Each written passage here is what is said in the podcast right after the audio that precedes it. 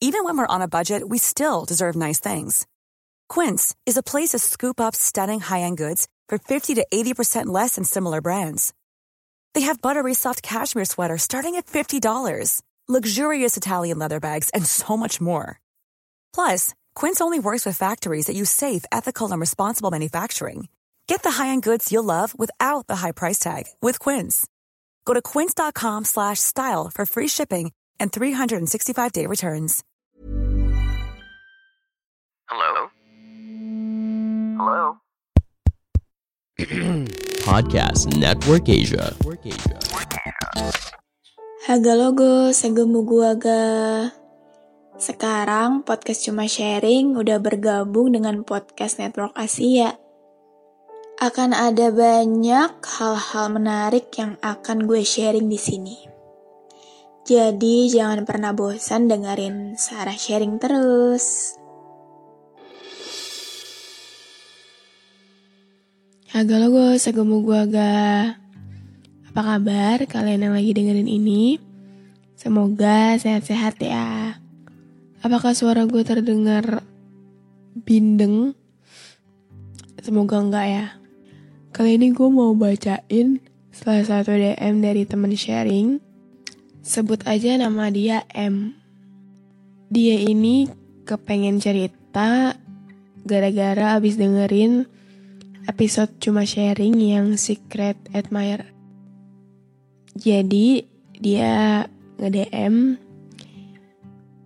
Barusan aku habis dengerin podcastnya Kak Sarah yang Secret Admirer Dan aku pikir aku juga lagi ngalamin itu. Tapi kayaknya sekarang udah gak jadi Secret Admirer lagi. Ada kemajuan berkat kenekatan diri aku dia itu kakak kelas aku. Cuma beda satu tahun. Kelas dia tepat banget di sebelah kelas aku. Udah beberapa minggu ini pembelajaran tatap muka di sekolah dimulai. Aku jadi lebih sering ngeliat dia. Walaupun cuma lihat gitu aja. Walaupun ya dia cuma lewat gitu aja deh. Sebut aja Mas R. Beberapa hari belakangan ini, aku jadi lebih sering call sama dia. Awal mulanya sih dia yang minta mabar game bareng aku. Tapi lama-kelamaan, dia jadi sering ngajakin aku mabar sembari call. Anehnya setiap aku bilang, iya, ayo mabar, tapi nggak call ya. Selalu dia batalin. Alasan doang nggak sih dia ngajakin mabar? Tapi ya aku bingung. Dia kalau di chat selalu jawab singkat terus. Bahkan aku cerita pun gak pernah ditanggepin. Dan selalu dibales, mabar yuk. Dan aku iyain aja. Bucin dong, gimana lagi. Setiap setelah selesai mabar, dia selalu minta callnya jangan dimatiin dulu. Dia nyalain kamera dia, aku juga nyalain kamera aku. Jadinya video call deh. He's so fine, aku gak bohong. Setiap call dia selalu tanya, kamu udah makan? A little things like that make me baper, I guess. Oh iya, dia pakai aku kamu. Setiap mabar, dia tuh kadang misu-misu soal temen setim yang gak kompak. Kalau keceplosan ngomong kasar, dia selalu bilang maaf ya aku kasar. Oh iya, padahal setiap mabar itu aku selalu jadi beban karena gak jago. Aku install gamenya demi bisa deket sama dia. Niat banget gak sih? Aduh, maaf ya, aku ceritanya gak terarah gini. Tapi, dia selalu ajakin aku mabar terus. Dan jangan lupain juga, dia tuh selalu minta mabar sembari call. Sampai sekarang dia nggak tahu muka aku di real life kayak gimana. Padahal kelasnya persis sebelahan. Aku bilang, nanti aku sapa kamu kalau papasan ya. Tapi timingnya selalu nggak tepat. Setiap mabar, dia selalu cerita hal-hal kecil. Aku sebutin kali ya. Kayak besok aku ke sekolah membaliin buku. Terus juga aku lagi di tongkrongan nih. Atau cerita soal idola dia yang aku lupa namanya siapa. Terus dia tanya, kamu tahu nggak mereka idolanya? Terus aku jawab, nggak tahu, aku taunya kamu. Berani banget aku. Tapi sampai sekarang aku bingung. Dia nggak pernah effort buat cari tahu aku yang mana. Dia jarang nanggepin cerita aku kalau chat. Kalau dia mabar sama temennya, aku nggak dihirauin gitu. Dan satu lagi, kami selalu end up video call setelah mabar.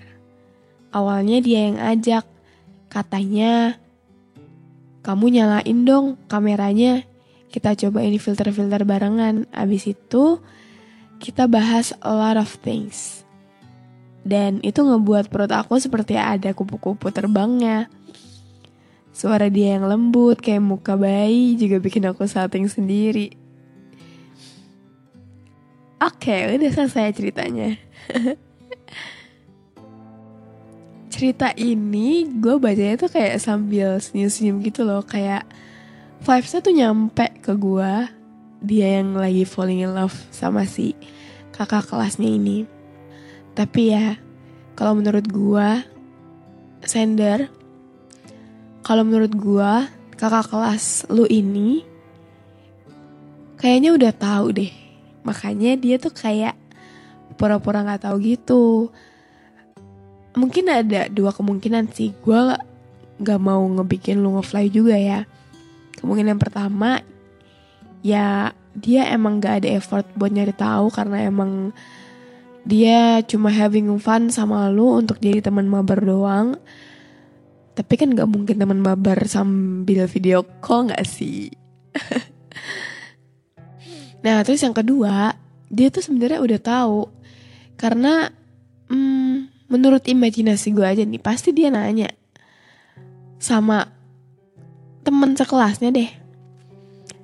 Eh lu kenal nggak? Ada kelas namanya ini dia main ML juga loh gini gini gini.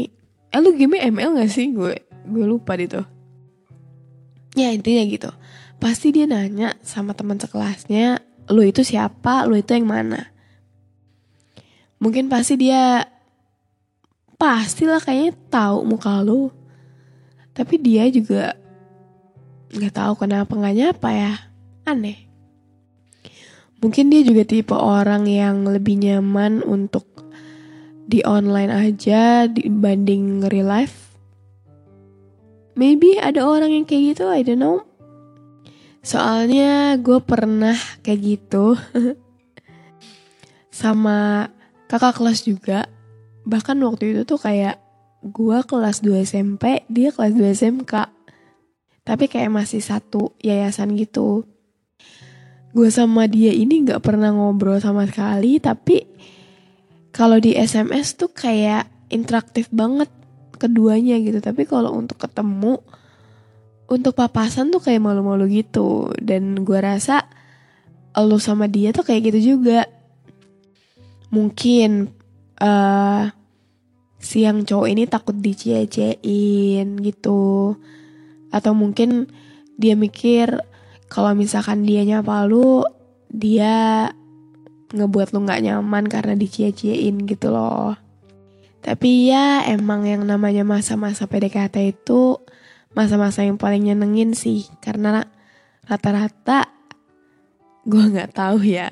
Tapi kebanyakan pas masa-masa PDKT itu kita perempuan merasa seperti dibahagiain banget sama si cowok tapi ketika udah jadi udah di dalam satu sebuah hubungan jadi kita yang bucin ke si cowok. Dan si cowok itu malah kayak ya udahlah yang penting gue udah dapet gitu. Jadi saran gue ya lu nikmatin aja masa-masa PDKT lo ini. Gue yakin lu mabar sama dia end up video call. Itu seneng banget sih gue yakin. Karena vibesnya beneran nyampe ke gue dan buat kalian semua para secret admirer di luar sana, apalagi sekarang pembelajaran udah mulai online lagi. Yang tadinya bisa ngelihat doi langsung terus sekarang lewat laptop lagi, lewat layar lagi. It's okay, nikmatin masa-masa itu. Walaupun kadang ditarik ulur, walaupun kadang dia bersikap kayak dia punya rasa, dan kadang dia bersikap dia cuek gitu ya. Emang bangsat emang. Tapi nggak apa-apa. Pasti yang namanya suka sama orang, lu bakalan luluh sama dia berkali-kali sih. Entah itu dia cuek sekalipun. Oke, okay, mungkin segini dulu aja episode curah kali ini. Makasih banget yang udah dengerin sampai habis. See you next time. Dadah, have a nice day everyone. Pandangan dan opini yang disampaikan oleh kreator podcast, host, dan tamu tidak mencerminkan kebijakan resmi dan bagian dari podcast Network Asia. Setiap konten yang disampaikan mereka di dalam podcast adalah opini mereka sendiri dan tidak bermaksud untuk merugikan agama, grup etnik, perkumpulan, organisasi, perusahaan, perorangan, atau siapa pun dan apa pun.